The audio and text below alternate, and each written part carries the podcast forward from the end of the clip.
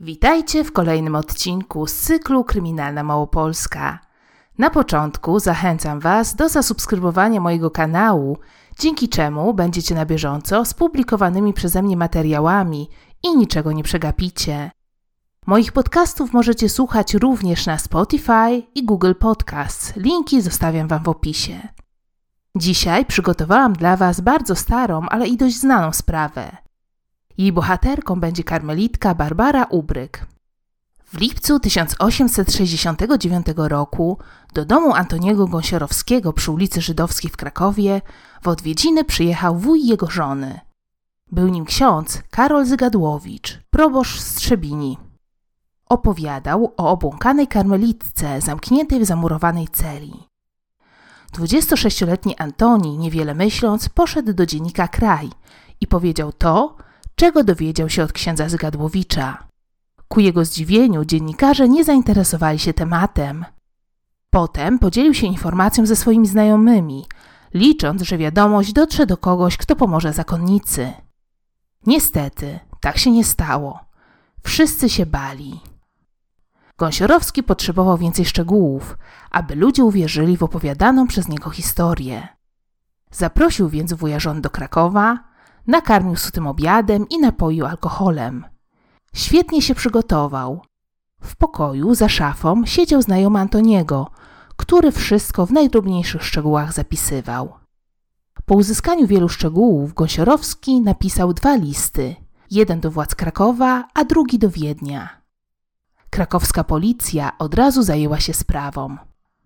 Anonim trafił do sędziego śledczego Zygmunta Gebarta, 29-letniego doktora prawa. Przetrzymywanie podchodziło pod paragraf 93 ustawy karnej. Karą za nią mogło być kilkuletnie więzienie. Zygmunt wspólnie z prokuratorem opracowali plan działania. Po pierwsze, chcieli porozmawiać z biskupem i uzyskać zgodę na wejście do klasztoru. Po drugie, zwołali senat karny, któremu przewodniczył prezydent Sądu Krajowego Wyższego Jakub Bołos Antoniewicz. Zastanawiano się, czy policja ma prawo wejść do klasztoru. Po trzecie, obawiano się powiązań między duchownymi a sędziami. Warto wspomnieć, że Antoniewicz był spokrewniony z matką przełożoną karmelitek, Marią Wężyk. Sędziowie udali się do biskupa i zażądali zgody na wejście do klasztoru. W międzyczasie Gebhardt zlecił jednemu z komisarzy policji dyskretnie wypytać o Barbarę Ubryk. Okazało się, że była ona na liście zakonnic. 21 lipca 1869 roku w środę z samego rana Gebhardt odwiedził biskupa Antoniego Gałeckiego. Mimo, że nie uwierzył w doniesienia i był przekonany, że to mistyfikacja, wyznaczył prałata Romana Spitala, aby ten asystował sądowej komisji w oględzinach zakonu. Ksiądz Roman dostał od biskupa list, który miał przekazać zakonnicom. Tego samego dnia, kilka minut po dwunastej, komisja zadzwoniła do furty karmelitanek. Na miejsce przybyli sędzia śledczy Gebhardt, ksiądz Spital, asesorzy sądowi Stanisław Gralewski i Teofil Paryj oraz protokolista Kwiatkowski. Ponieważ przełożona Maria Wężyk chorowała, do przybyłych wyszła jej zastępczyni, matka Teresa Kosiarkiewicz. Gebhardt od razu kazał zaprowadzić się do celi Barbary Ubryk. Nie napotkał nas przeciw, choć siostra była zaskoczona. Mężczyźni zostali zaprowadzeni pod celę. Miała ona podwójne drzwi, jak żadne inne pomieszczenie. Za pierwszymi drzwiami znajdowały się drugie z niewielkim otworem zabitym klepką. Poczuli woń zgnilizny. Obok drzwi siedziała skulona, naga postać. Prosiła o obiad. Była brudna i miała krótko ostrzyżone włosy. Ciało było przeraźliwie chude i całe poobijane. Mężczyźni spytali, jak się nazywa, na co kobieta odpowiedziała, że Barbara Ubryk. Potem wyszli i nakazali zakonnicom ubrać kobietę. Przyniesiono jej habit. Potem Barbara zjadła obiad rękoma. Gebhardt od razu pojechał do biskupa. Nie tylko wygląd kobiety był przerażający, jej cela również. Była długa na siedem łokci i szeroka na sześć. Okno było zamurowane, a światło dostawało się przez małą szczelinę. W celi znajdował się otwór do kloaki, który nie był niczym przykryty. Na podłodze leżało trochę siana i dwie drewniane miski. W pomieszczeniu nie było pieca, stołu, łóżka ani siennika. Podobno przybyły biskup miał powiedzieć do zakonnic: Toć to wasza miłość bliźniego, kobiety? Czy wy jesteście ludźmi, czy furiami, że stworzenie Boże tak traktujecie? Biskup skarcił zakonnicę i zagroził nałożeniem klątwy, jeśli Barbara nie zostanie przeniesiona do innej celi. Po wyjściu z pomieszczenia na korytarz Barbarę raziło światło. Zakonnice starały się być dla niej wyjątkowo miłe. Ludzie coś do niej mówili. Kobieta była przerażona, ale i pobudzona. Krzyczała i śpiewała. Jak zakonnice tłumaczyły się z izolacji Barbary? Mówiły, że lekarz zalecił odseparowanie jej od pozostałych zakonnic. Przekonywał, że powinna przebywać w ciemności. Ponadto ocenił, że stwarza realne zagrożenie zarówno dla siebie, jak i dla innych. 22 lipca 1869 roku w klasztorze pracowali lekarze sądowi, doktorzy Leon Blumenstock i Maciej Jakubowski. Przybył też prokurator Jan Danecki. Tego dnia Barbara była ordynarna i wulgarna. Nie ulegało wątpliwości, że była chora. Gdy chciano zobaczyć jeszcze raz celę, ta była już wysprzątana. Co więcej, parobkowie na polecenie sióstr zburzyli mur zasłaniający okno i usunęli dodatkowe drzwi. Stwierdzono, że warunki, w jakich żyła kobieta, zdołałyby osobę zdrową przyprawić o obłęd. Nie ulegało wątpliwości, że Barbara powinna być leczona w szpitalu. Biskup zwolnił Barbarę od klauzury zakonnej. Kolejnego dnia kobieta była spokojna i zadowolona. Opuściła klasztor podskakując. Powozem trafiła do szpitala. Pod koniec drogi opadła z sił i nie mogła samodzielnie wysiąść. W szpitalu Świętego Ducha, który mieści się na terenie dzisiejszego teatru imienia Juliusza Słowackiego, Barbarą opiekowały się pracujące tam szarytki. Miała jasny pokój i dostęp do jedzenia na życzenie. W tym czasie w szpitalu były dwa oddziały. Dla obłąkanych, epileptyków i pokąsanych przez wściekłe psy oraz dla chorych wenerycznie. Gdy Blumenstock i Jakubowski odwiedzili kobietę w szpitalu, była posiniaczona, ponieważ spadła z łóżka. Miała też problemy żołądkowe spowodowane zmianą diety i ogromnym apetytem. Zaczęły się przesłuchania. Jedną z pierwszych przesłuchanych osób był spowiednik klasztoru, Onufry Piątkiewicz. Przyznał on, że wiedział o istnieniu Barbary, ale nigdy jej nie widział. Oczywiście nie ze swojej winy, ale dlatego, że mu na to nie pozwolono. Następnie przesłuchano też długoletniego kościelnego karmelitek Kazimierza Grzegorczyka. Gdy zaczęto przesłuchania w klasztorze w Czernej, zmarł ważny świadek, dawny spowiednik karmelitek, ojciec Piotr Lewkowicz. Było to bardzo podejrzane. Gebert postanowił aresztować Marię Wężyk i Teresę Kościerkiewicz. W tym czasie w Krakowie odbyły się manifestacje antykościelne. Po mieście krążyły coraz to nowe plotki na temat Barbary. W zamieszkach brał udział m.in. Michał Bałucki, o którego matce opowiadałam w drugim odcinku Kryminalnej Małopolski. Link zostawiam wam w opisie. Podobno poeta był jednym z tych, którzy namawiali do obalenia układów między Kościołem a państwem i postulował zamknięcie klasztorów. 23 lipca pod klasztorem na Wesołej zebrało się 200 osób. Sforsowali oni bramę, wybijali okna i chcieli wedrzeć się na klauzurę. Karmelitkom na pomoc ruszyła policja. Kolejnego dnia pod klasztorem znowu zebrał się tłum. Atakowano również inne zgromadzenia zakonne. Doszło do tego, że klasztory jezuitów i karmelitek były otoczone wojskiem. Do Rady Miasta została wystosowana specjalna petycja, której autorzy domagali się wydalenia z miasta karmelitek i jezuitów. Zebrano kilka tysięcy podpisów. W tym samym czasie miał się rozpocząć sobór zwołany przez Piusa IX i dlatego sprawa Barbary Ubryk trafiła na łamy europejskich gazet. Przełożoną karmelitek była Apolonia Maria Wężyk, lat 36, która przyjęła zakonne imiona Maria Józefa Teresa. Funkcję pełniła na zmianę z 56-letnią Teresą Kosierkiewicz, która przyjęła imiona Teresa Barbara Salomea. Jeszcze przed aresztowaniem śledczy zwrócili się po pomoc do biskupa. Zakonnice były podejrzewane o gwałt publiczny przez nieuprawnione ograniczenie osobistej wolności człowieka. Aresztowanie odbyło się w niedzielę. Chorej siostrze Marii towarzyszyła siostra Maurycja Bobnowska, starsza od niej o 10 lat.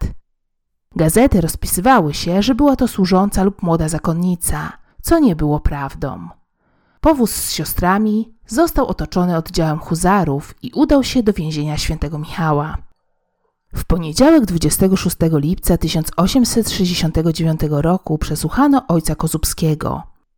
Pytano go m.in. o rewizję, której dokonał 18 lipca w klasztorze. Mężczyzna przekonywał, że nie mógł wizytować celi Barbary, bo jedna z sióstr powiedziała mu, że kobieta zdarła z siebie ubranie. Przyznał też, że o chorej zakonnicy wiedział od 1848 roku i nie interesował się nią, ponieważ była pod opieką lekarza. Nie miał sobie nic do zarzucenia. Podczas rewizji z 18 lipca 1869 roku ojciec Julian Kozubski wraz z ojcem Józefem Tyrką wspólnie odwiedzali wszystkie cele. Podczas wizyt rozmawiali z każdą z sióstr. Ostatnia odwiedzana cela miała numer 40. W dalszej części budynku znajdowały się ustępy i cela przeznaczona na karne zamknięcie. Ojciec Kozubski wiedział, kto w niej przebywał. Był przekonany, że zakonnice zawiadomiły o całej sprawie Rzym. Około 18 mężczyzna został aresztowany. Kolejnego dnia przeprowadzono rewizję w klasztorze w Czernej i w mieszkaniu Kozubskiego w Siedlcach. Przesłuchano też obie przeorysze, które nie wiedziały, dlaczego zostały aresztowane. Siostra Maria mówiła, że Barbara żyła w takich warunkach od lat, dlatego niczego nie zmieniano. Z kolei siostra Teresa przekonywała, że zamykając Barbarę miała na uwadze jedynie jej dobro. Dokonano przeszukania cel obu zakonnic. 2 i 3 sierpnia w klasztorze przesłuchano wszystkie siostry zakonne. Śledczy rozmawiali również z osobami, które pracowały w klasztorze kościelnym, ogrodnikiem, parobkiem, kucharkami i lekarzami.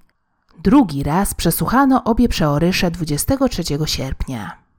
Wynikało to z prawa austriackiego, bowiem procedura karna była dwuetapowa. Do Krakowa przybyły z Warszawy dwie rodzone siostry Barbary i one również były przesłuchiwane. Trzecia została przesłuchana w miejscu zamieszkania. Kim była Barbara Ubryk? Urodziła się 14 lipca 1817 roku. Była córką Jakuba i Marii z Brzezińskich i miała na imię Anna. Jej siostry zeznały, że nie odbiegała zachowaniem od innych dzieci. Była zwyczajną dziewczyną, raczej wesołą, czasem ponurą, która dużo rozmyślała. Wcześniej straciła oboje rodziców. Matka zmarła jak miała 13 lat, zaś ojciec 3 lata później. Uczyła się w Warszawie u wizytek na pensji przyklasztornej. Tam pierwszy raz zetknęła się z życiem zakonnym. Naukę rozpoczęła około 1835 roku. Przystąpiła do wspólnoty mając 21 lat. W grudniu 1838 roku, zaledwie trzy miesiące po obuczynach, zaczęła mieć pierwsze objawy psychotyczne. Mówiła, że jest wielką grzesznicą i chciała odpokutować za grzechy. Krzyczała w nocy i nie mogła spać. Potem pojawiły się halucynacje. Mówiła do siebie. Wobec takich objawów została wydalona z klasztoru. Dziewczyna trafiła do hrabiny dziewanowskiej. Tam doszła do równowagi. Potem mieszkała u Masłowskich na Starym Mieście. Postanowiła ponownie wstąpić do zakonu. Wybrała zgromadzenie karmelitek bosych w Krakowie. Razem z nią do klasztoru wstąpiła Agnieszka Biernacka. Były w tym samym wieku. Obie miały obuczyny 1 listopada 1839 roku, a habity otrzymały 4 lutego 1840 roku. W tym okresie Barbara była przesadna w swojej bogobojności. Inne siostry bardzo ją lubiły. Z listu Barbary do siostry wynikało, że w tym okresie była w klasztorze szczęśliwa. Pierwszy raz do Barbary wezwano lekarza w 1848 roku. Podejrzewano, że całkowicie postradała rozum. Podobno jednego razu spowiadała się przez 15 godzin. Zaczęła się też często śmiać, bez powodu i w nieodpowiednich momentach. W czasie liturgii nie potrafiła się zachować, wierciła się i była nadaktywna. Potem pojawiły się przewidzenia. Zaczęła miewać ataki psychozy. Wtedy przybył doktor Julian Sawiczewski. Po pewnym czasie Barbarze się polepszyło. Trwało to kilka tygodni. Potem ataki powróciły.